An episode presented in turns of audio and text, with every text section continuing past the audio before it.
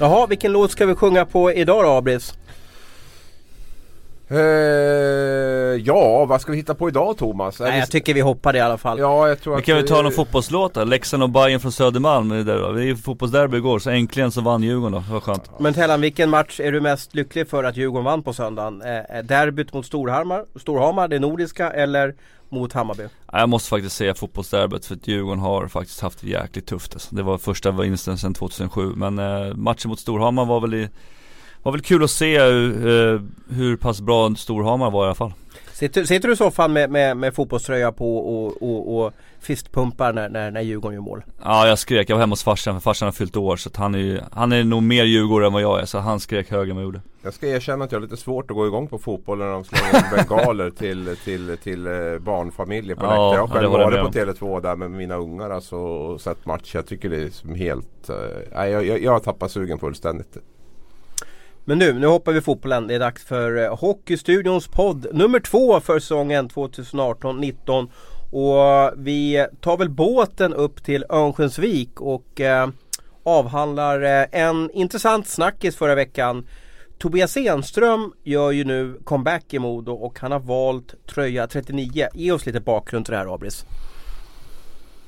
Ja, 39 är då Per Svart, Svartvadets nummer. Den legendariska lagkaptenen där. Och det tröj, det, den tröjan är inte upphissad där. Men hans, nu får du hjälpa mig vad det heter. Hans den här flaggan. Vepa. Typ, vepan är upphissad där i taket. Då, och det betyder att inte det numret ska användas igen. Eh, när Tobias Enström kom hem nu till Modo så ville han ha 39. Och det finns ju en story med det där också. Svartvadet var ju kapten i Modo när eh, Enström kom upp som ung och de vann SM-guld tillsammans och när han flyttade över till Atlanta så eh, tog han över Svartvadets nummer 39 där också och nu hade han väl en önskan om att få spela i den när han kom hem som ett sätt också tror jag att hedra Svartvadet lite grann. Så att eh, det är väl bakgrunden.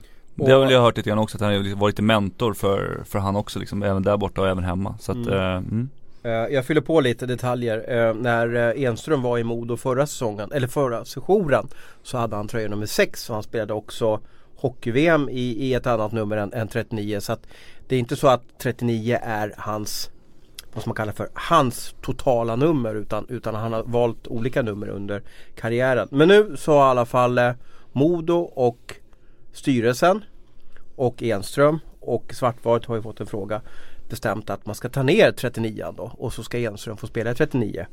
Eh, och det här var det många som hade kommentarer på och, och väldigt många supportrar till andra lag än Modo undrar vad Modo håller på med. Vad, vad eh, gör de fel här Modo? Ja, jag, jag tycker ju att är ett nummer upphängt i taket så ska det vara för upphängt i taket också. Jag tycker inte att man ska kunna ta ner det bara hur som helst utan man har ju faktiskt gjort en hel ceremoni på säkert flera timmar och planerat och gjort massa andra saker så att nej jag, jag, jag tycker att det är fel. Jag tycker att man kan välja ett annat nummer.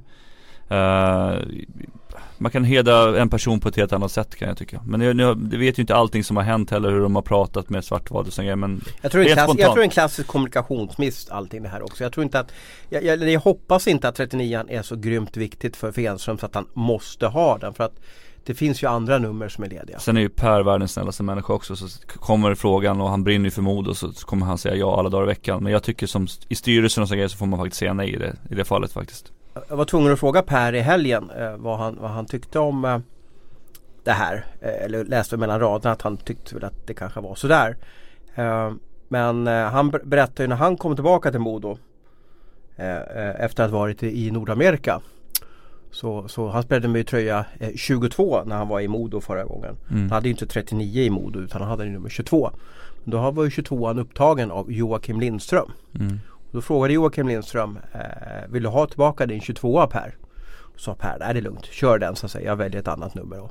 Mm. Och då valde han 39 A och så Det är det jag menar också, Per är en helt annan typ av människa kanske än vad, vad Tobbe är där också. Men eh, det har varit lite kritik om det här. Eh, Borken gick igång och febrade på sociala medier. Eh, ska Modo backa? Ska, man, ska, man, ska, vi, ska på något sätt Modo ta ansvar för svensk hockey? Att ett hedrat och hyllat nummer som är liksom låt stå ska inte röras. Eh, nej men jag tror inte att de kommer att backa från det här utan jag tror nog snarare att det här eh, stärker dem. Jag tror inte att de känner att de behöver ta något ansvar för svensk hockey. I så fall får de ta ansvar för Modos historia och eh, de ceremonier de har. Det är väl i första hand det de ska, ska fokusera på. Men jag tror någonstans att nu har man nu har man sjösatt det här och jag tror nog att, det kommer att, att de kommer att spela det här. Jag tror, jag tror ingen av dem var liksom förberedda på den här eh, stormen som blev. Att det, att det här skulle bli en så stor grej som det vart. Utan jag tror det här var någonting som de eh, snackade ihop sig om och, och tänkte att det här, det här är nog inga problem. Det här blir bra liksom. Och så, och så vart, det, vart det så här nu. Så att, eh, men jag, jag, nej, jag, tror att, jag tror att han kommer att spela kvar i 39 men du varför blev det, han spelar ju inte 39 nu ska jag ju berätta också utan spelar ju ett annat nummer nu i, jag tror 37 i träningsmatcherna. Och sen så ska de ha en ceremoni när de tar ner tröjan och ger honom. Jag undrar om det har blivit en storm om han hade bara dykt upp i 39 på en match. Förstår vad jag menar va? För nu skickade de ett pressmeddelande, gick ut i hela mm. mediakåren och då fick ju många liksom vatten på sin kvar. Vad gör Modo?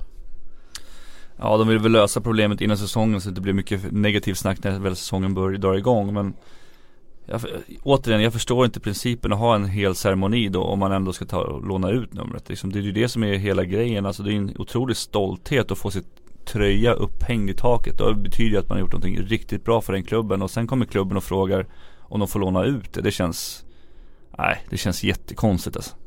Och det spelar ingen roll vem det är som kommer tillbaka tycker jag. Nej. Eh, har vi lite att prata om när vi diskuterar Enströms val av tröjnummer? Har vi det? Lite kanske. ja, nej men så är det väl. Det finns väl eh, finns ju mycket intressantare saker att diskutera. Absolut, så är det ju. Men, men samtidigt så måste man ju fånga upp det som diskuteras och snackas om i, i, i Hockeysverige också. Det är väl, ibland kan man tycka att tacklingar och bortdömda mål också är, man är superless på det. Men, men det är klart att det finns ju ett engagemang runt de här frågorna. Och det, är ju, det var ju en väldigt ovanlig händelse också att det, att det blev på det här sättet. Så att eh, då är det väl alltid kul, intressant att diskutera det när det är första gången också så här när det verkligen händer. Det, det... Eh, nu får, nu får vi, vi trycka på en fake news-lampa här. Eh, det har hänt en gång tidigare pojkar i svensk hockey som jag känner till, kanske hänt flera gånger. Att man har valt att spela i, i kanske inte ett pensionerat nummer men i alla fall med ett nummer som har, hänger i en vepa. Vem, vem valde att spela i ett, i, ett, eh, ja, i ett nummer som hänger i tak i, i eh, en ishall? Hänger ni med frågeställningen? Mm, ja, ja mm. absolut. Är det i Sverige, Europa? Det är Sverige, det är, Sverige. Sverige. Ja. Mm. Är det högsta ligan eller någon annan liga? Eh, det var högsta ligan och eh, spelaren som eh, som spelade i, i det, inte pensionerade nu, eller pa, inte det rummet som var liksom för eviga utan det var också, också som Modo har en, en vepa. är idag ishockeyagent kan jag berätta. Sitt inte och googla nu Abis. Nej nej nej, nej. Fan, jag på Men är det AIK eller? Vänta ja, nu. du är inne på ett bra spår. Ja, för jag har för mig att någon spelade med ettan. Exakt. I AIK. Exakt. Nu kommer jag inte ihåg vad agenten Jocke Persson. Mm, nej. nej. nej, nej, nej. Det var... Nej. Uh, jag, tror han nästan, jag tror nästan han vann poängligan den säsongen i AIK. Han har ju Mantas och, och, vad heter han? Förnamnet är väldigt vackert måste jag säga. Thomas Sjögren? Ja, exakt. Bra Tellan, snyggt. Bra, Bra jobbat. tack. Utan Google också. Ja, ja. vi satt och tok-googlade. Ja men jag satt och kollade på NHL. Det var därför jag var lite frånvarande. Förlåt. Men jag vet ju att, jag vet ju att uh, Brett Hull spelar inte han i pappa Bobbys nummer. Har jag för mig. Att det togs ner och att han oh, spelar med det också. Kan väl vara lite tillåtet där då. Men, men du, ja. se, det, har ju, det har ju skett förut i alla fall. Så förlåt Thomas Sjögren att jag var lite disträ där. Ja, men vet du vem som gick igång och, och jag tror jag skrev den här artikeln. Vad kan vi prata om nu? 02, 03 eller någonting sånt där. Eh, då gick ju faktiskt Honken igång och blev lite förgrymmad på att AIK mm. hade lånat ut ettan. Sen varför Sjögren väljer nummer ett, ja det får vi kolla senare i alla fall. Men igen, det har, det har skett och Sjögren gjorde en grym säsong med ettan där i AIK. Mm. Ja, ödmjukt att ha nummer ett. Jag kände som, som nummer ett kanske. Mm. Ja precis. Jag vet att vi tog en bild och nu är det här en podd så att ni ser inte vad jag gör men, men vi tog en bild bakifrån på Sjögren. Man såg nummer ett och sen höll han upp ett finger som visade liksom ja nummer ett. Det var när han ledde poängligan. Jag vet inte om han vann poängligan men, men han hade en grym start på, på säsongen där i alla fall. Jag hoppas i... lyssnarna liksom förstår vilket försprång du har på mig och Tellan. När du, sitter liksom, alltså, du, du, du har alla de grejerna är... som du ska ta upp. De har du liksom lagrat i din minnesbank sen, sen och, och Sms-gruppen igår kväll var väldigt tyst. Det kändes ja. som att du och jag blev som skickade fram och tillbaka. Ja. Men, men pojkar, vi har ju, vi kommunicerar med varandra så det går ju att ställa motfrågor. Du kan ju ställa, du kan ju ställa någon fråga om vilken, vilken märke på plockhandske som, som, som Manta spelar i, någonting sånt där och så får du fråga mig. Så att det går ju att slänga tillbaka frågor också. Det kommer att bli mer av den vi har inte någon, blir vi kommer mer starta en det. egen sms-grupp Det kommer här vi är göra alltså också. en diskussion och ingen envägskommunikation vi har. Men apropå tröjor så vet jag faktiskt att det är flera klubb, eller elitserieklubbar, SHL-klubbar som har tröjor som inte är upphängda i taket som fortfarande inte kan användas. Jag vet att Djurgården har det, de har till exempel ettan går inte att använda. Eh, Det vet jag att Keller har gömt långt bort. Eh, Och Varför ger man inte ut ettan då? Nej det är också målvakt, Roffe Rydevall som har spelat eh, med nummer ett under all evighet som jag faktiskt inte förstår varför han inte hänger i taket men eh, Det finns väl olika anledningar Ja, vad, vilka anledningar är det då? Ja, jag vet ju inte säkert men det kanske kan vara så att han gjorde faktiskt en säsong i AIK på slutet. Så jag vet inte om det är därför att det, de inte tycker att han ska hänga i taket. Eh, Men eh, jag personligen, det var en idol för mig när jag växte upp och jag tycker han kan hänga i taket. Djurgården är kanske den tuffaste laget att, att bli förevigat av. Eh, kommer du få 32 i, i taket någon gång för Djurgården? Nej det, det tror jag inte. Eh, Jag är stolt över att ha haft 32 Djurgården ändå. Men det finns ju flera andra personer. Du har ju eh, Fredrik Bremberg som, som vi sa, SHLs bästa poänggörare. Och Är det 23an då som du Ja tänker precis, på? Mm. ja. Som kanske skulle hänga i taket också. Men han hade annat nummer innan han, när han började så hade han ett annat nummer va? Hade inte det eller? Oh, det har jag dålig koll på. det. Ja. Men, men hur viktigt är det att bli, få, få sin, sin, sin tröja i taket? Är det någonting som, som du funderar på? Nej, ingenting. Eh, jag är stolt över min karriär ändå och stolt över det jag presterat i Djurgården ändå. Sen eh, fick jag en fin avtackning ändå av Djurgården trots att det inte är med, med tröjan i taket. Men eh, jag tror det är lite så här generationsfrågor hur man växte upp också. Eh, många som eh, var yngre runt när vi vann SM-guld, de tycker kanske det medan den generationen som växer upp nu har ingen aning vem jag är. Och så de som är äldre de har väl lite såhär, nah kanske inte. Så att det, det är svårt, det är lite generationsfråga vad man tycker vilka som ska hänga i taket och inte. Pratar man om det i omklädningsrummet? Alltså, Nej. nej. Nej det gör man inte. Va, Eh, vad väljer, komma- vad väljer du hellre? komma- SM-guld eller tröja i taket? SM-guld alla dagar i veckan. Även fast du redan har två om man säger så. Ja, liksom. alla dagar i veckan. Det är ju så häftigt att kunna vinna tillsammans med, med andra. Det är det som är coolt faktiskt. Får jag göra dig orolig Abris med en direktfråga? Bara kör. Ja, eh, vem eh, tror du blir härnäst att få sin tröja i taket? Oj, SHL. alla, alla kategorier? Ja, SHL. Alla lag? Oj, oj, oj, oj, oj. Vilken fråga. Tommy Kallifart inte i alla fall. Nej, men det är väl hon på gång uppe i Luleå va? Joel Lundqvist. Joel kör nog tre år till va? Tror du det? Känns så. Ja. Två i alla fall. Eh, Men han är väl näst. Jag, ska säga, Janne jag, jag ser att du blir orolig och, i pannan där. Men Janne Sandström måste ju få upp sin tröja. Ja, Ja. Ja. Jörgen Sundqvist då i Brynäs. För hård konkurrens va? och sen har han väl svärtat ner sig med Leksand där också kanske. Ja men han kom ju därifrån. Ja, Ja, han gick ju inte dit under tiden. Ja sju, ja sju. Ja nej Mm. det, det är nog eh, Det blir nog tufft att få någon plats där uppe för honom. eh, Jimmy Eriksson då? Är han given i, i Skellefteås tak? Det känns väl som va? Tycker jag. Ja. Någonstans. Mm. Det låter rimligt. Ja. Eh, Även om han har svärtat ner sig med Leksand också. Ja precis, men det var ju som, som du sa innan han kom upp dit. Eller emellan, Ja, han gjorde, var han gjorde emellan, mellanspel han ja, precis. Ja precis. Han var där Vilket, lag tror, eller upplever ni är det lättast att och, och liksom bli förevigad av? Ja, känns det, det är väl någon av de här nya klubbarna kanske. Känns det inte så. Relativt nya. Eh, Växjö, Linköping. Växjö har Marcusson uppe i taket. Ja. Och, och Linköping har ju då vi säga, en spelare som jag tror förolyckades plus som man hyllar eller hedrar på så sätt. Så de har Mike Hellberg och Magnus Johansson också i taket där. Mm. Mm. Niklas Persson, kan han komma upp? Ja, får spela för få säsonger eller? Ja, Ja, han har ju inte så jäkla många, ursäkta nu såg jag nästan här. Han, har inte, han, har, han har inte så många säsonger i Linköping. Han har ju varit Man tänker ändå på Niklas Persson, tänker man ändå där. Men han kommer också få Leksand. Också svärta ner sig med Ja. Leksand. Ja, precis. Leksand verkar vara någon Ja. Mm. men, men, men nu, eh, bara en, en tanke här att får man sin tröja i taket och nu tänker jag inte på Peter Forsberg i, i, i Modo där. Eh, då kan man ju inte haft en lång och lyckosam NHL-karriär. För då Nej. blir man ju aldrig Mm, nej. upphissad. Nej. Så då är man ju egentligen inte bland de bästa hockeyspelarna i Sverige. Det är inte de som får sina tröjor för Alltså, man kan ju lyckas ändå. Alltså, Ja, man, bara det för man Det spelar bästa handlar inte om ligan. vilka som är bäst utan det handlar om vilka som har gjort mest för en Ja, klubb. men Mats Sundin har ju inte sin tröja i taket. Nej, men han Nej. har ju inte gjort så himla mycket för Djurgården. Ja, Han men det är en av våra bästa hockeyspelare Jo, jo, men det här handlar ju om att en klubb hedrar en spelare som har betytt mycket för, för klubben. Så där är det väl inga konstigheter med det. På något sätt. Att det, det är väl eh, den som har gjort allra mest för klubben som, som ska hedras där. Ja, Inte om man har en framgångsrik NHL-karriär. det är intressant. får NHL-klubbarna sköta den biten. Det är intressant med tröjor och vi, vi får se hur fortsättningen blir med, med Tobias Enström. Jag tror det var eh, kommande vecka eller någonting sånt där som, som man skulle göra den här ceremonin med, med tröjan där. Vi reser vidare och eh, som sagt var, SHL startar ju här om mindre om två veckor. Det är snart dags. Det är upptaktsträff på tisdagen. Där vi får lära känna lagen och, och, och, och ta tränare lite på, på kolla vilken temp de har och vad som är på gång. Eh, uh, hur, uh, eh, och, och, en, en snackis som spelbolagen brukar fånga upp det är ju här, vem vinner poängligan SHL?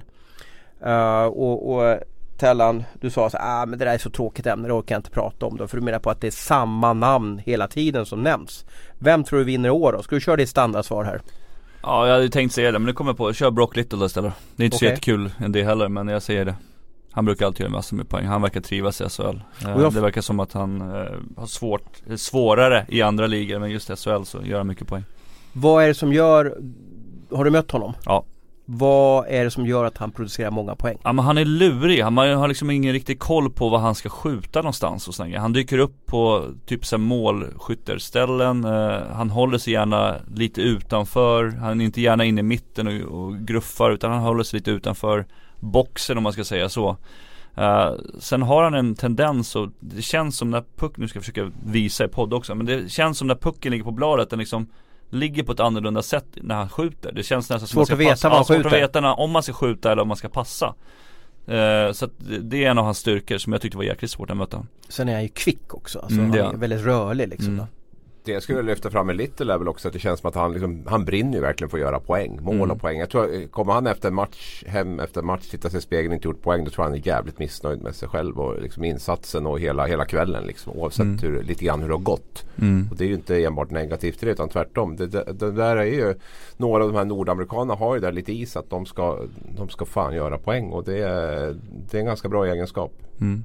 Och det måste man ju veta som, som att man har han i laget också, att han är en sån spelare. Så han kan ju, man kan ju torskat 6-3 och han har gjort 3 poäng så kommer han vara nöjd ändå. Och kan så. vinna 6-3 och så kanske han har uh, gått poänglöst därifrån så kanske inte han är riktigt lika glad som sina lagkompisar heller. Va? Så att, uh, ja, det är både och där men, men uh, det tycker jag han utstrålar mycket att han, han ska göra de där poängen. Innan jag killgissar vem jag tror vinner poängligan så tänkte jag gå tillbaka lite till, till din karriär här eh, Tellan. Mm. Eh, du har ju spelat med, med, med, alla lag har ju poängkungar. Man har mm. interna poängkungar och man har spelare som kommer väldigt högt upp i liksom den samlade poängligan. Vad, vad tycker du kännetecknar, Abis var lite inne på det, men, men vad, vad är din åsikt om vad, vad, vad är grundkriterierna för att vara en poängkung? Man behöver nog vara lite ego, eh, som Abis är inne på. Eh, lite självisk i det här laggrejen ändå, att man går sin liten egen väg liksom. Hur tolererar gruppen det då? Alltså, det, så länge man gör poäng så funkar det ju. Så är det ju. Men däremot gör, börjar man inte göra poäng och ta för stor plats i omklädningsrummet då blir det ju lätt att man blir utfryst och, och sådana grejer. Så att eh, ofta de här poäng, poänggörarna är ganska speciella personer också. Man brukar säga att målvakter är speciella men de här riktiga poänggörarna är nästan likadana som målvakter. De håller sig lite för sig själv, de gör sina egna grejer och och då gäller ju som coach och som medspelare att, att man får köpa, man köper in det, att, att det funkar så liksom. Mm. För man behöver en eller två poänggörare i ett lag liksom för att kunna göra. Men däremot får man flera så då, blir det fel i dynamiken och, och kemin. Vem är den bästa poängkung du har spelat med? Som du bara känt att shit, han bara producerar och producerar. och producerar. Ja men det, när vi var i Toronto med Mats Sundin, det är jättetråkigt svar kanske igen. Men just att spela under den här pressen som han gör dag ut och dag in och leverera liksom och, och klev fram. Jag tycker en målskytt som kliver fram när man behöver kliva fram också är det är ju något unikt liksom. Inte att bara, bara gör poäng när man vinner med 7-8-1 utan när man verkligen gör det här målet när det står och väger 1-1. Det är fem minuter kvar och då kliver fram och gör mål.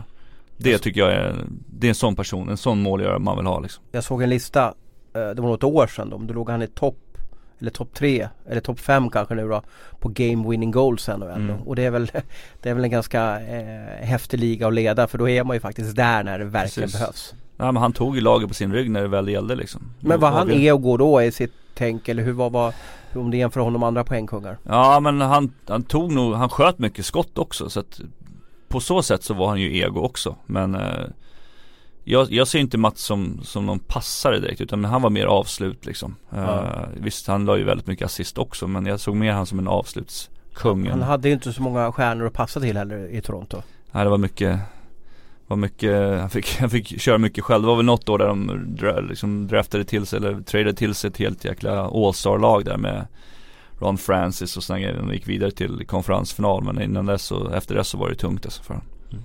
Mm. Uh, jag tror att Växjös Austin Ortega vinner poängligan och, och egentligen så baserar det här bara på försången nu. Eh, först är Växjö ett topplag. Eh, får man spela deras första PP så kommer man göra många poäng. Han spelar med sådana som Kinnemin, han spelar med sådana som Horak och han spelar med, med, med Pesonen kanske ibland. Det är väldigt duktiga hockeyspelare. Uh, sedan så är jag fascinerad. Han är rightare, liten och kvick. Li, li, inte lika kvick som, som, som, som Little men, men uh, jag får en känsla av att där har Evertsson hittat riktigt guldkorn som, som kan gå hela, hela vägen till att vinna mm. poängligan. Han såg bra ut men frågan är när det blir lite tajtare, när det blir liksom, man får möta de här, hur, hur tror ni att han kommer hantera det liksom?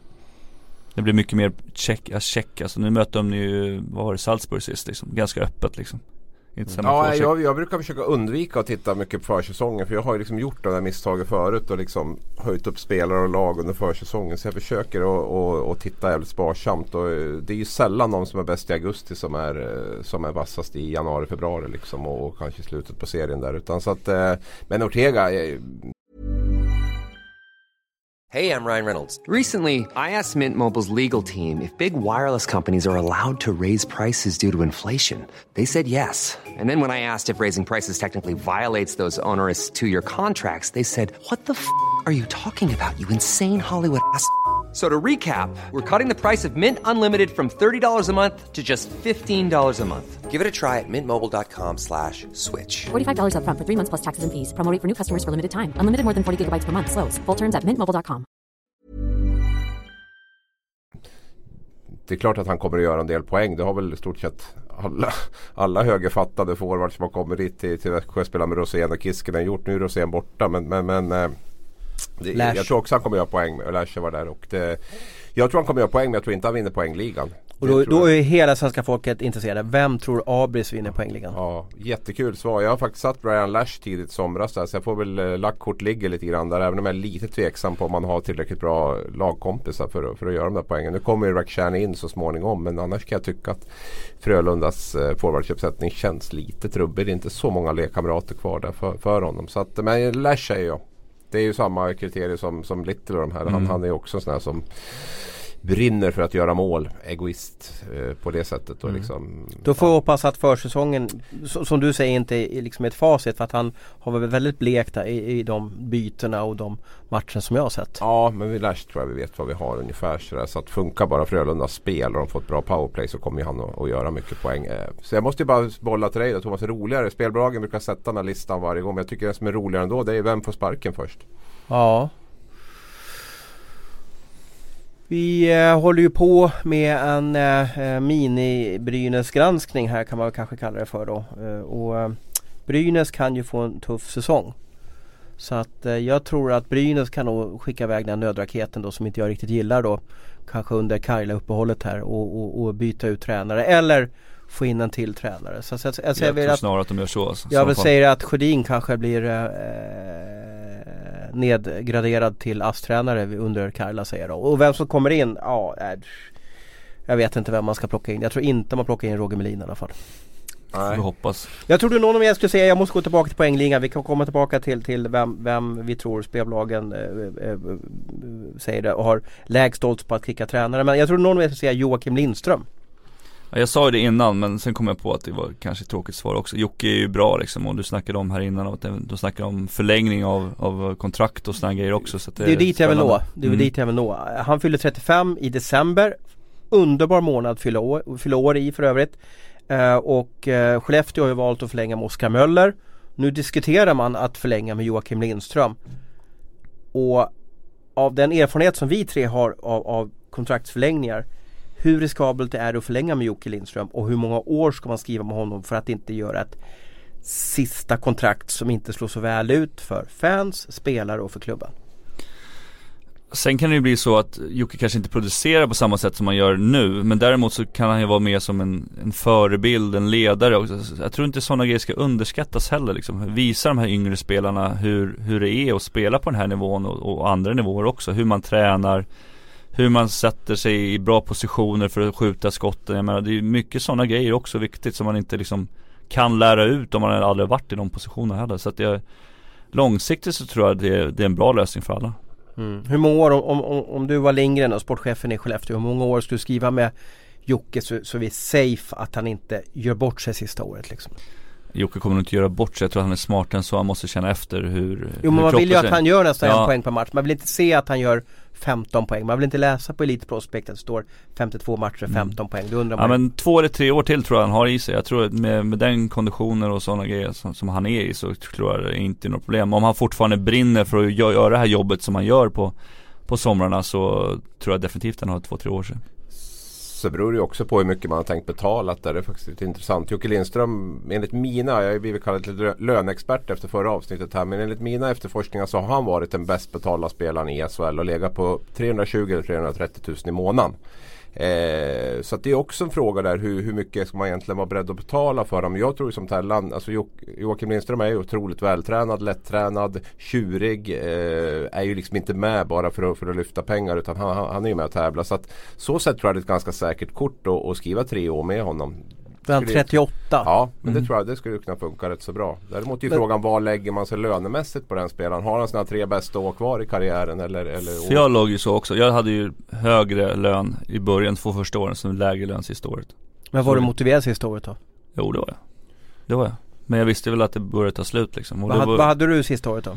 Ja det var ett snack här innan vi skulle snacka om, men jag hade Första året Djurgården hade 200, 200 andra året och 120 sista året Och det är ganska lågt för en, för, alltså jag spelade ändå 33 matcher i, i Djurgården sista året tror jag, 32 matcher. Så att det, med, det vart ju en liten Lite lägre lön för att jag ville spela hemma. Men vad Men det är ju ingen liten lön, ursäkta uttrycket, men för SHL-mått så är det ju det Ja, i förhållande till vad du hade. och vad är Jocke, vad är om vi Ja. säger, och ni är ju inne på treårskontrakt då, vad är han värd i månaden när han är 36, 37, 38? Ja det där är ju också så där väger man ju in. Får man ett längre kontrakt så blir ju lönen lägre i en sån ålder. Det är inget snack om det. Så att, eh, då ser man det som att det är en förmån för honom där. Jag skulle väl kanske sänka med 250 i snitt på tre år.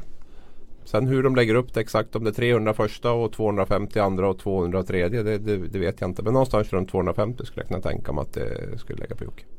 Vi har ju sett, eh, eh, låter som en så negativ gammal gubbe och gammal gubbe även men jag vill inte vara alltför negativ. Negativer också. Men, men många av de här ikonerna, för det har ju Jocke Lindström blivit för, för Skellefteå.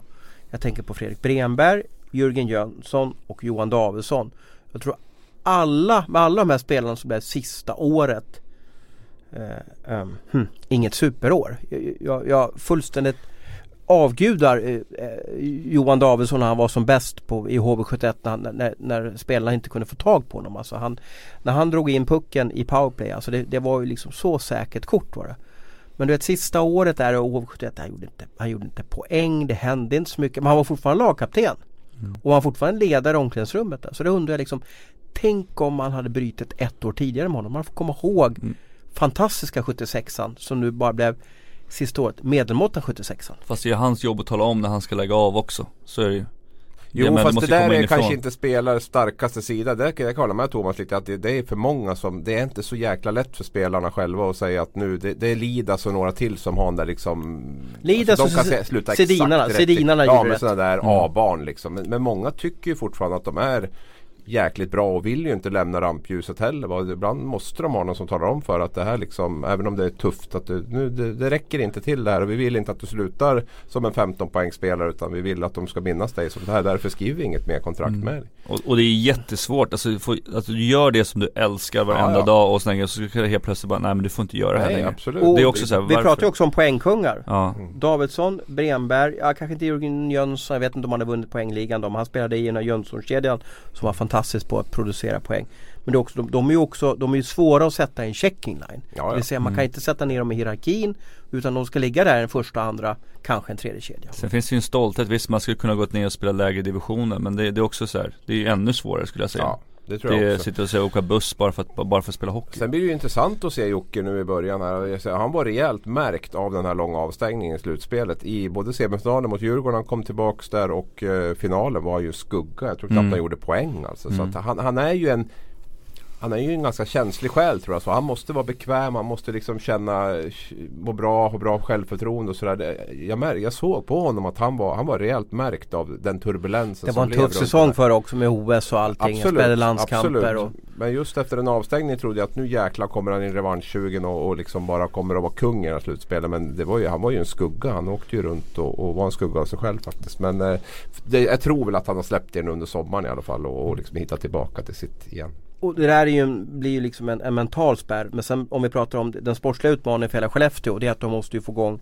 två kedjor som levererar. Inte köra ihop med de här, vad ska man kalla för delfinkommunicerande eh, Lindström och, och, Möller som liksom, de, utan man måste ju sära på dem och få igång två kedjor. Jo men det där har man ju testat också många gånger och har liksom gått, hamnat tillbaks igen till det Men man kommer ju att prova det igen nu naturligtvis. Så får vi se om det blir, om det blir eh, två mellanmjölkskedjor av det eller om det liksom om de kan sprida ut produktionen mer eller om de måste gå tillbaka och spela ihop delfinerna igen. Mm. Idag på måndagen har eh, Svenska damhockeyligan upptaktsträff och serien startar ju inom kort. Eh, jag skulle vilja erkänna att jag är absolut ingen expert på SDHL. Eh, jag såg tre matcher förra säsongen. Alldeles för lite. Jag skäms och, och jag måste bli bättre på att ta eh, SHLs damvariant på, på, på mycket större allvar och lägga mer tid på det här. Vi ska prata lite om SDHL och, och vi, vi eh, börjar väl lite, lite nybörjaraktigt här och, och, frågar vilket lag som ni tror vinner SM-guld på, på damsidan? Luleå. Var, ja, var, vänta, vänta. Varför, var, varför Luleå då? Mm. Jag, jag, jag, tycker att de eh, har liksom lett den här utvecklingen som har varit på senare år. Jag tycker de har bredaste truppen, den bästa truppen. Nu har man fått in Sara Gran i mål dessutom som Ja det är ju Sveriges bästa målvakt. Så jag vet inte liksom, det känns som att det här kan bli det här kanske inte ens blir spännande är jag rädd för. Nu släpper de väl knappt in mål heller längre. Jag, jag håller med, det är, det är ju Luleå som leder utvecklingen på damsidan också på sättet de tränar och liksom och låter trä, tjejerna få träna och få ersättning för att kunna träna också på den här professionella nivån. Så att där leder de ju helt klart. Eh, jag har ju varit med några gånger med Djurgårdens damer och de tränar också extremt hårt men de, de flesta där de måste ju ha jobb liksom på sidan av så att det, det blir inte riktigt samma nivå. Och publikstöd, jag ja. de tycker säkert ja. det är jäkligt kul att gå ut och spela där. Det är liksom ett par tusen många gånger av matcherna där och, och liksom gå ut. Det känns som att det är en riktig inramning också. Så att, nej, för mig är Luleå. Han superfanet där i, i Luleå, Mattias Sellberg, går ju bland annat på, på på, på damträningarna så att det är många väl där mm. uppe i Luleå som är extremt eh, eh tagna och, och, gillar sin damhockey och det, det hoppas vi sprids över resten av Sverige. Men de tappade ju Wakefield Abris. Ja absolut, hon kom ju in sent förra året där och gjorde ju enormt med poäng. Så gjorde mer än två poäng per match mm, i snitt. Mm. Men jag tror liksom att de Jag tror att de kommer att kunna kompensera upp det faktiskt den här Inte minst så kommer de att släppa in färre mål bakåt nu också. Ännu färre. Mm. Är, det, är det en nackdel här? Och jag tror för övrigt att, att jag tror att det blir en skräll Uh, och, och, jag tror Luleå kommer vara riktigt bra men, men åker Luleå ur så tror jag att Leksand kan stå där bakom faktiskt och göra en riktigt grym säsong. Jag har en känsla av att Leksand har gått förbi Brynäs, gått förbi Djurgården och, och att, Brynäs, att Leksand kanske nu är moget att utmana Linköping och, och, och Luleå om eh, en plats i finalen i alla fall. Och det vore roligt om Leksand fick vinna så att det blir en förändring där uppe i alla fall. Precis. Vi ska ju lyfta fram Linköping. Det ser jag som stora utmanare naturligtvis fortfarande. De två lag som spelar men är det nackdel när Luleå är så... Ja, ja men de är ju inte överlägsna så. Jag tycker bara men poängmässigt om man såg i fjol så var ju ja, tabellen inte det roligaste. Det var ju en tuff final. Det var en jämn final som gick till en avgörande match där. Så att, eh, och som du säger, Wakefield ska inte underskatta hennes betydelse när hon kom in. Så att jag, jag, jag ska inte påstå att det är liksom spel mot ett mål. Eh, om jag antyder det. Utan det, det kommer att bli jämnt. Och det, det är L-lagen där va, med Luleå, Linköping, Leksand som, som, eh, som eh, jag tror mest på tillsammans med Djurgården naturligtvis. Mm. Och Djurgården hade ju tufft förra året faktiskt. De, ja, hade, de, hade, de hade många skador och hade liksom nästan knappt fullt lag ibland heller. Utan, Nej, men nu och ingen succé hoppas... med Nej. tränaren där heller tror jag va. Så gör man så där mm. framme. Mm. De bytte ju ja, bytte efter guldet och, och, och lite konstigt att de hoppade av de tränarna men det, det, det fanns säkert skäl till det då. Men sen så var det väl ett mellanår i fjol kanske för dem då. Ja, och det är man lite osäker på vilken väg det kommer att gå där nu. Men, men, eh. Vad behövs för att SDHL ska bli en serie som folk sitter och pratar om i fikarummet?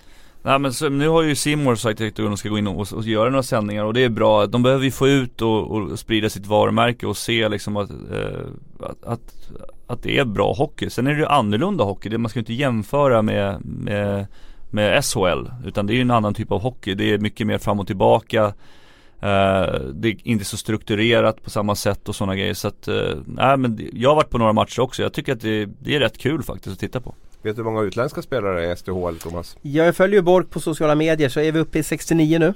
Ah, du tog den, det var Mm. snyggt. Så jag har räknat 69 i morse Han läste det, ja, det det, han visste att den Nej, nej, nej, nej, nej, jag har faktiskt... Klassisk Lätt att journalistfråga komma ihåg för mitt födelseår va. Så att, eh, du har ju det i din hashtag, eller din, men det är de ditt 70, det kan vara också. 70 Då. imorgon va. För att det, det rullar på rätt bra där med, med utländska spelare. Och 69, du ska vi se här, eh, nu kanske jag får, en storm på mig. Det är åtta lag va i, i serien va? Eller? 10 får jag det till. Är det tio? Mm. Då är det sju stycken i snitt per, per, eh, per, per, eh, per lag i alla fall då. Mm. Men är det skadligt mycket eller vad, vad, vad säger ni om det? Det måste ju finnas ett intresse för att spela i Sverige i alla fall med tanke på att det kommer massa utländska Jag tänker på spelare. landslaget där Ja liksom, men det, det kan ju vara definitivt men eh, där försöker de ju göra, göra om och göra rätt liksom och, och få och bygga upp underifrån och få bra tränare på, på de yngre tjejerna också. Så att det är liksom hela vägen upp till, till seniornivå. Det är ju en jättebrist på spelare generellt. Att Det är inte lätt att få tag i spelare. Men en SHL-klubb blir ju utan spelare kan man ju ta från Allsvenskan eller vilken liga som helst i Europa. Alltså damspelare det är det är en jättebristvara. Så att det, det finns inte så mycket. Och jag vet inte hur många spelare Brynäs har just nu. Men det kanske är 12 eller något sånt där ungefär. Och de letar. Man höll på att leta hela förra säsongen också. Det och man, det finns knappt några juniorlag Nej. och de, de som är duktiga som är 15 år också Mm. De spelar ju med seniorer så att säga liksom, Tvingas spela med seniorer för att när man är 15 år Kanske man vill flamsas med sina jämnåriga och sådär och så spelar man med de som är Kanske dubbelt så gammal. Så det, det måste till fler damhockeyspelare och det är ju bara att man gör Som exempelvis Huddinge gör att man satsar på, på flickhockeyn och får upp väldigt många aktiva. Mm. Men alltså som läget är nu med den brist som är. Alltså det måste ju vara en- vara en enorm liksom, ynnest för de här yngre spelarna att få liksom, vara i samma lag som de här världsstjärnorna som liksom Wakefield, Sidney Morin, uh, Karvinen, uh, alltså alla dem och få spela med dem och lära av dem. Jag har lite svårt att se som läget ser ut.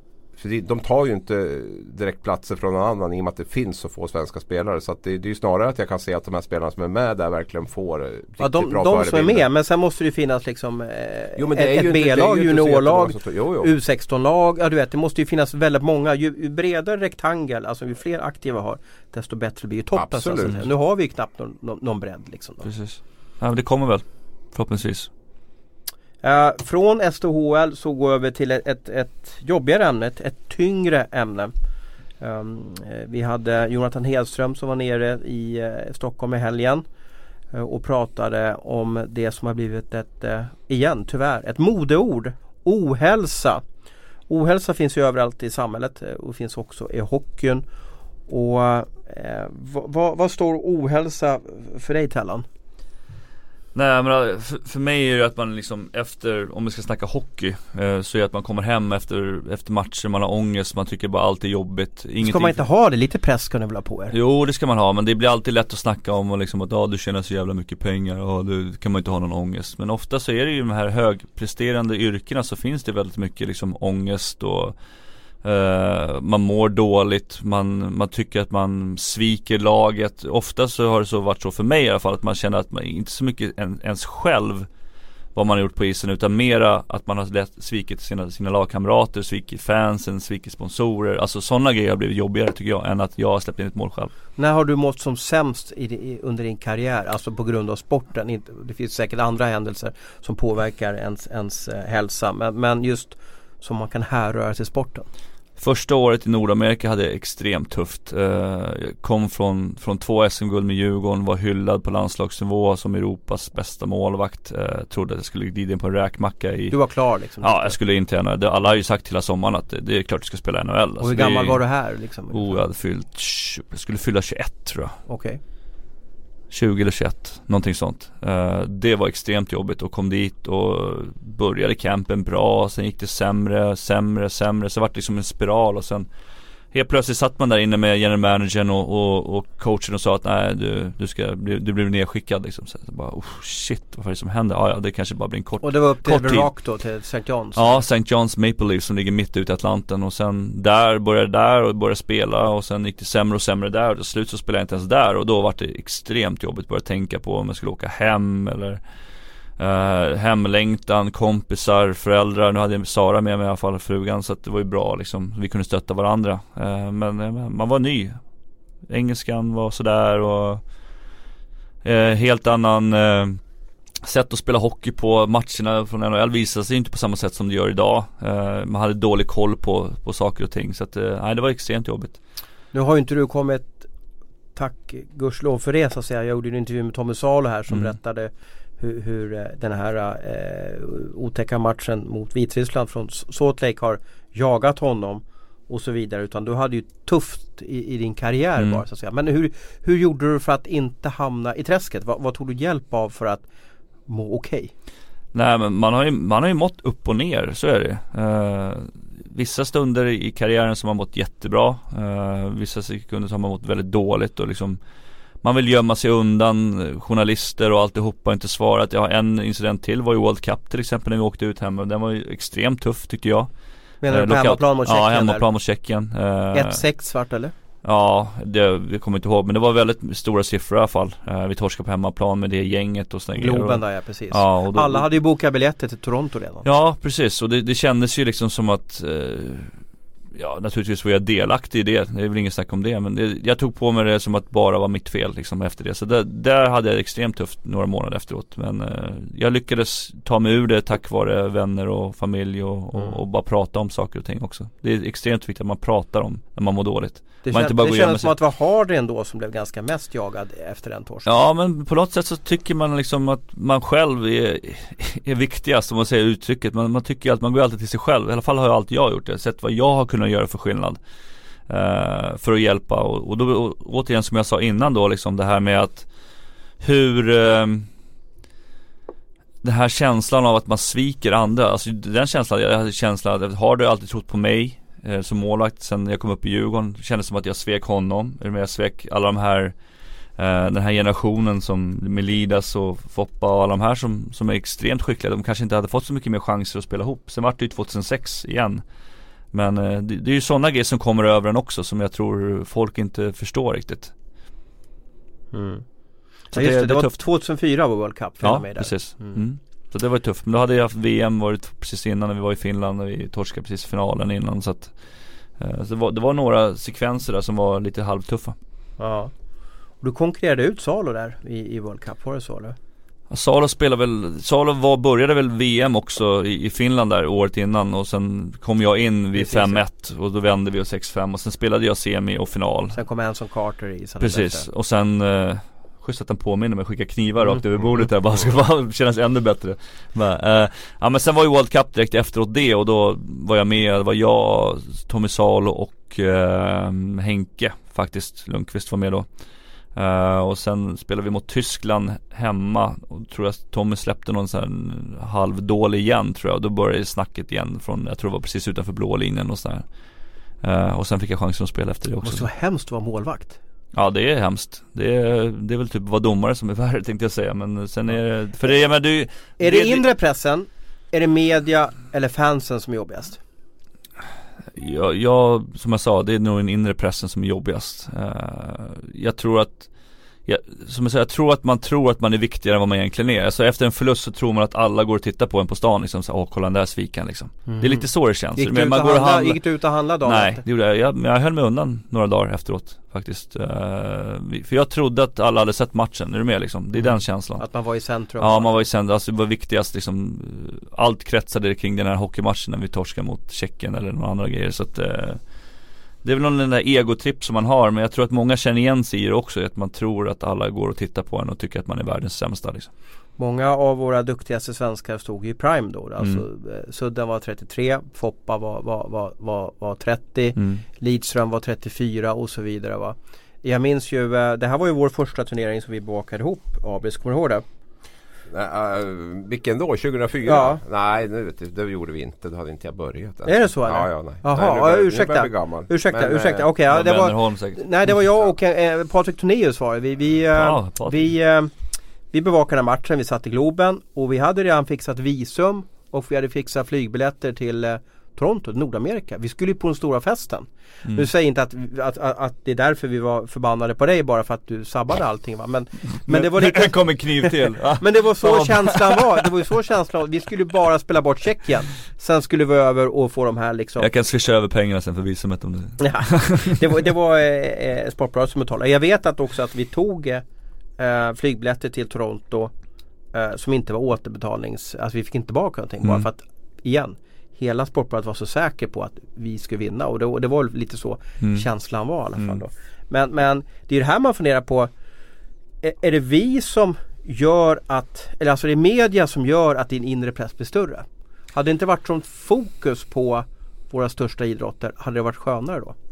Nej men jag tror att det har till viss del, är det, kommer man ju ihåg rubrikerna efter 2002, Salt Lake City. Var det, vad var det stod då? Svikare, eller de svek sitt land eller, Alltså det får, måste ju finnas en, det måste ju finnas en Alltså även fast det är liksom, jag förstår att man försöker sälja ru- rubriker och tidningar men ibland så måste man faktiskt hejda sig lite grann också för att Det är trots allt sport vi håller på med och saker och ting kan hända. Eh, sen förstår jag att man blir besviken som eh, journalist och som fans och där, men ibland måste man faktiskt hejda sig lite grann också. Sen är väl inte elitidrott hälsosamt varken fysiskt eller psykiskt. Det är väl lite Mm. en del att man utsätter sig för det där också. Har man liksom inte den pressen på sig själv att liksom jag gör det här dåligt nu så kommer jag må dåligt. Liksom, jag, tror, jag tror att det också kan vara ett sätt att man presterar bättre naturligtvis. De här, de här som är allra bäst har nog inte alltid så jäkla lätt med sig själv heller utan det, det, det är väl någonting som man lär sig att hantera under, under, eh, under karriärens gång på något sätt. Men jag tror att de, de bästa idrottarna är nog de som, som sätter hårdast press på sig själv också. Går man runt och visslar och, och tycker liksom att det är lite så här ja, skitsamma om det, om det visar så tror jag inte att man blir riktigt bra heller.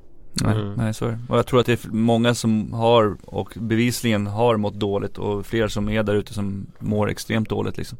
Det här var ju 2004 så att, så att eh, nätet var ju inte lika utbyggt som, som det är nu då. Men jag, jag googlar lite här och det står ju Stort fiasko för Tre Kronor och, och jag satt också och läste på lite där igen. Det här är ju 14 år sedan men, men det var ju en snackis. Salo, Mm. Tellqvist, Mm. Henke kanske inte riktigt var med i diskussionen och var för ung Nej. och sådär men, men det var ju känsligt alltså just Ja, det som definitivt. Salo var petad där och, och du hade gjort också en tavla och en träningsmatch innan om jag minns rätt som vi i media kallar för tavla och Mm. mot Tjeckien där. Kommer du ihåg det också eller?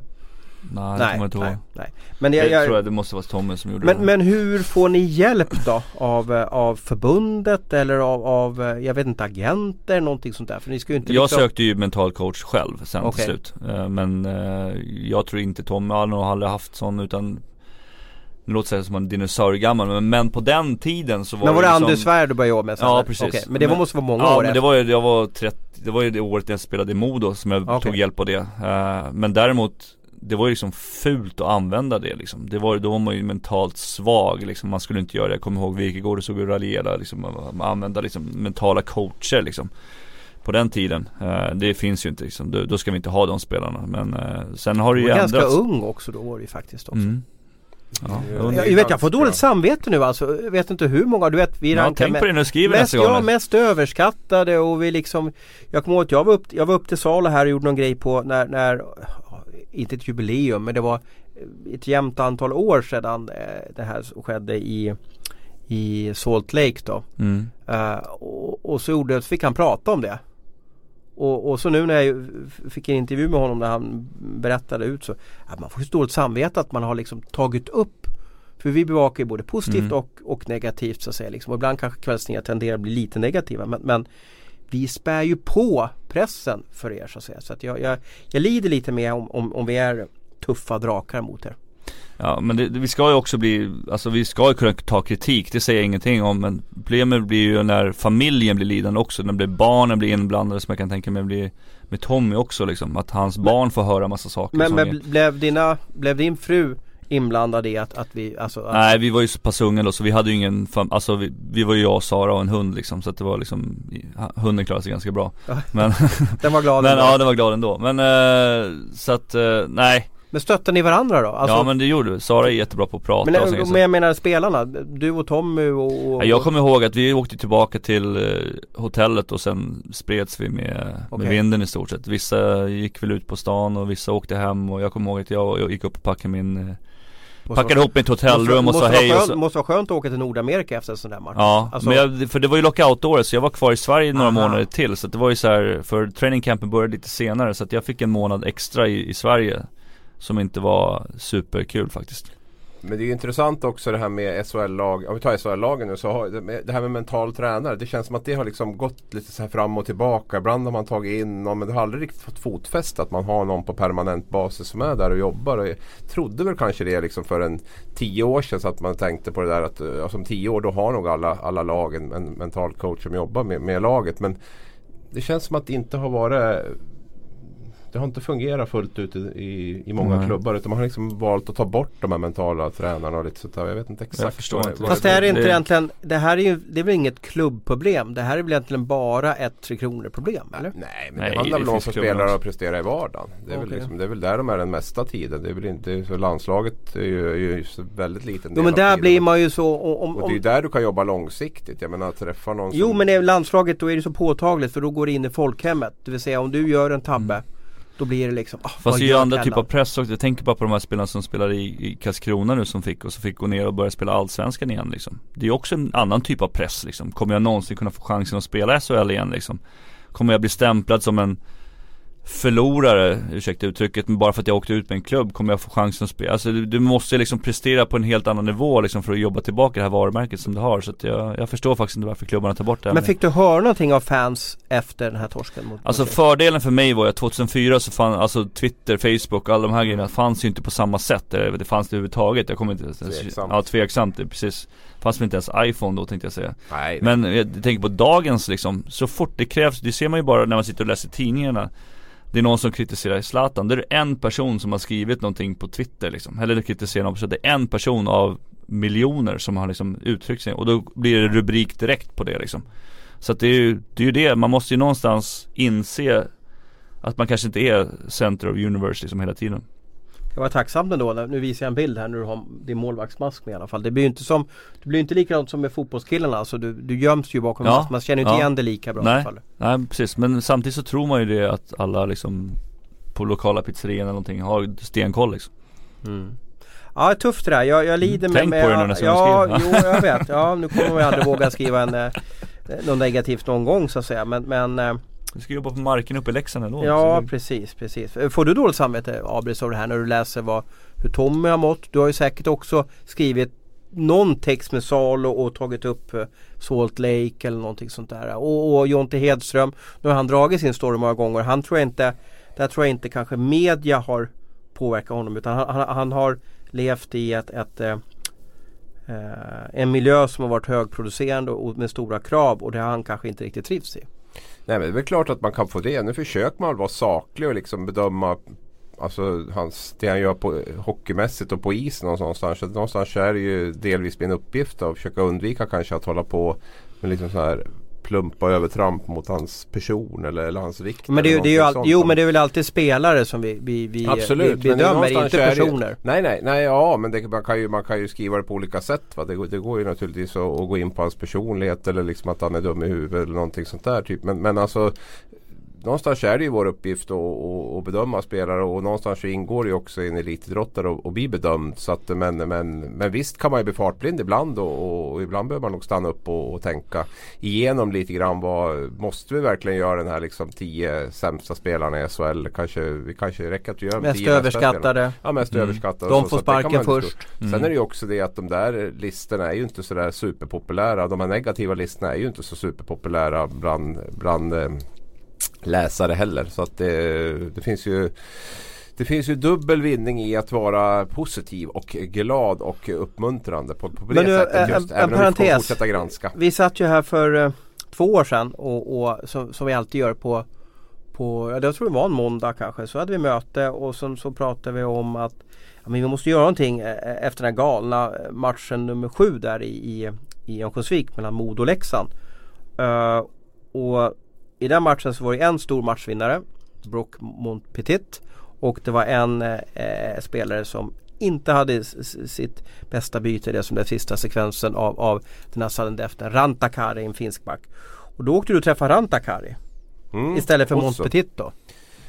Ja precis. Jag Om vi pratar ta, negativt. Ja, ja, du vill ju gärna träffa Montpetit och göra den här positiva vinkeln. Mm. Så då vart det ju Otso Rantakari kvar för mig. Så att säga. Nej, men jag tyckte den storyn var fascinerande. Jag bad själv om att få göra det. För det var liksom verkligen en ung spelare tillfälligt i Modo som, som, eh, som med sitt misstag spelade ner en hel klubb i, i, i, i, från SHL. Och jag kommer ihåg hur bedrövad han var när han åkte Ja, av jag tänkte Fick bära av hur, isen. hur, hur, hur tillbringade den här unga killen sina sista två dygn i Örnsköldsvik liksom innan han smög sig iväg därifrån och så. Men det var, nej, det Men var nu träffade jag honom, en fantastisk intervju. Det var, det var 5 plus på gränsen till Glenn Hysén 6 plus. Eh, tror att han blev hjälpt av att prata om det, att det var en del av terapin eller tror att du sänkte honom den dagen? Alltså nej, just, men nej, nej men det var, ju, det var absolut inte min mening utan det var ju mer liksom att, att sätta ord på människan bakom just det här hur liksom förkrossad han själv var. Liksom, han hade väl aldrig pratat liksom med, med Övik efter den händelsen. Och liksom, han, bad ju, han, liksom, han var ju uppriktigt ledsen liksom, över det som hade hänt och liksom bad ju i princip om ursäkt för, för det han hade gjort. Och det tror jag väl normal, alla normala människor får väl liksom sympati och liksom förståelse för en sån människa. Så, så hela Hela anslaget i, i åka och träffa honom var ju liksom inte att liksom, sänka honom utan snarare liksom lyfta upp att det finns en människa bakom och att eh, han är mått jäkligt dåligt över det som, det som hände. Och jag mår säkert fortfarande väldigt dåligt om det också. Och blir påmind om det. Säkert, jag vet jag pratade med Thomas Montén efter Timrå hade gått upp här i, i, i, och han sa det är en sån sten som har släppt från mitt hjärta. Jag har mått dåligt ända sedan Han den ur, dagen han jag var Timrå. tränare. Jag var den tränare som kom upp dit och Timrå hade varit i SHL många år då och, och jag var den tränaren som kom dit och på en säsong så, så första säsongen så försvann de ur direkt liksom. Så att eh, jag är så lycklig idag sa han att de är tillbaka. Är det mindre press i NHL än i SHL? Eftersom man inte kan åka ur NHL. Det är en annan, annan typ av press är det. Eh, där är ju pressen att lyckas i USA och i Nordamerika är ju helt annorlunda kanske man ser, det börjar bli så här också. Men där handlar det om att tjäna väldigt mycket pengar och synas och sådana grejer. Det, det är viktigt liksom.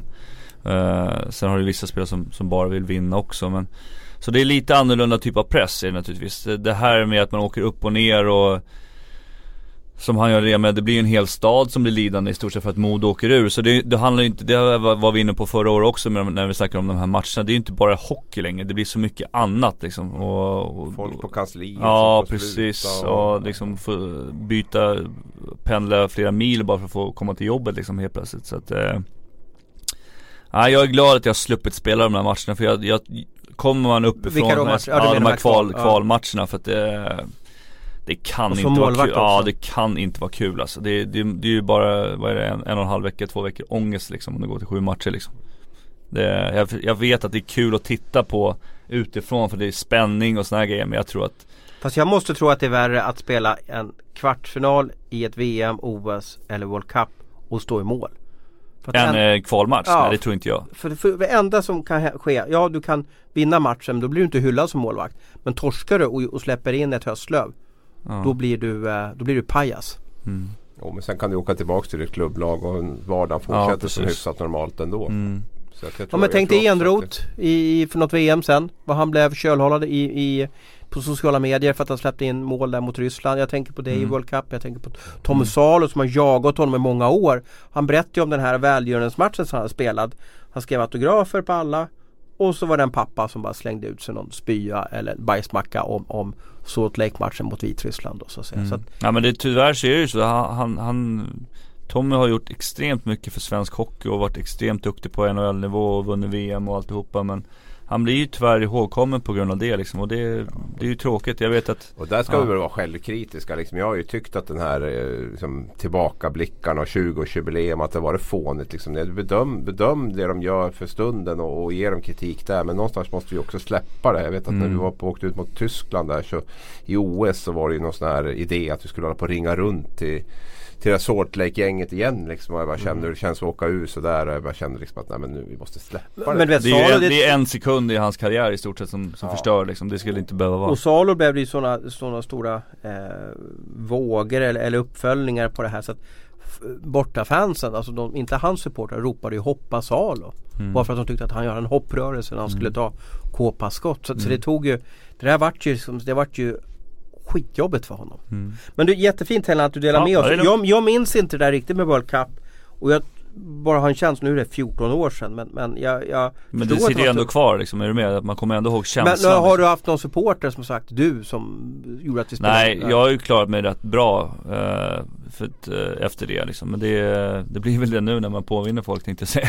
Men det vart ju inte så Men jag tror alltså, inte det var det var ingen ri- misstag utan Nej. det var liksom Det var mer att vi spelade dåligt som lag helt enkelt Har man ju insett nu liksom I Mm. efterhand och jag visste jag gjorde ju definitivt inte mitt Blev du utbytt i matchen? Nej vi, vi, Jag tror vi Jag tror jag tror att Hardy tog ut målvakten när det stod 4-1 eller någonting. och så gjorde de tre mål öppen kasse. Det var någon sån här Ja, grej två också. mål i alla fall. Ja, i öppen kasse. Så det var liksom inte att jag släppte in sex utan Och det är sånt som händer tyvärr. Mm. Det är ju så och det, och det är som du säger, det är viktigt som spelare att kunna skilja på privatperson Micke och, och hockeypersonen Micke. Och vill Mm. kritisera hockeypersonen Micke så är det naturligtvis helt okej men samtidigt så är det svårt och Gick du ut och pratade med media efter den matchen eller gömde du dig i omklädningsrummet? Nej jag tror inte jag gömde mig, jag vet inte om jag fick några frågor heller Men jag tror att de flesta, jag vet att många tog sina bägar och bara gick upp, eh, gick därifrån liksom Jag Det var väl mycket fokus ut på Hardy där också. Ja. Jag har för mig att vi, vår kollega Wennerholm Mm, och. Allard eh, ja, även var och, Han åkte till Nordamerika efteråt Mm. tror jag. Och det vart ju också så att- och- och det vart ju så att de bytte förbundskapten också, Ja, så. jo Mm. absolut. Och jag tror att, Drevet var jag igång. tror att Wennerholm och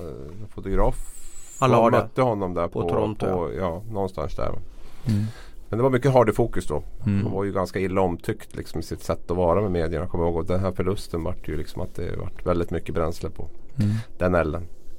Tuffa landslagsår där, 02 i OS där, man, man glömmer bort det här och sen Mm. 04 World Cup.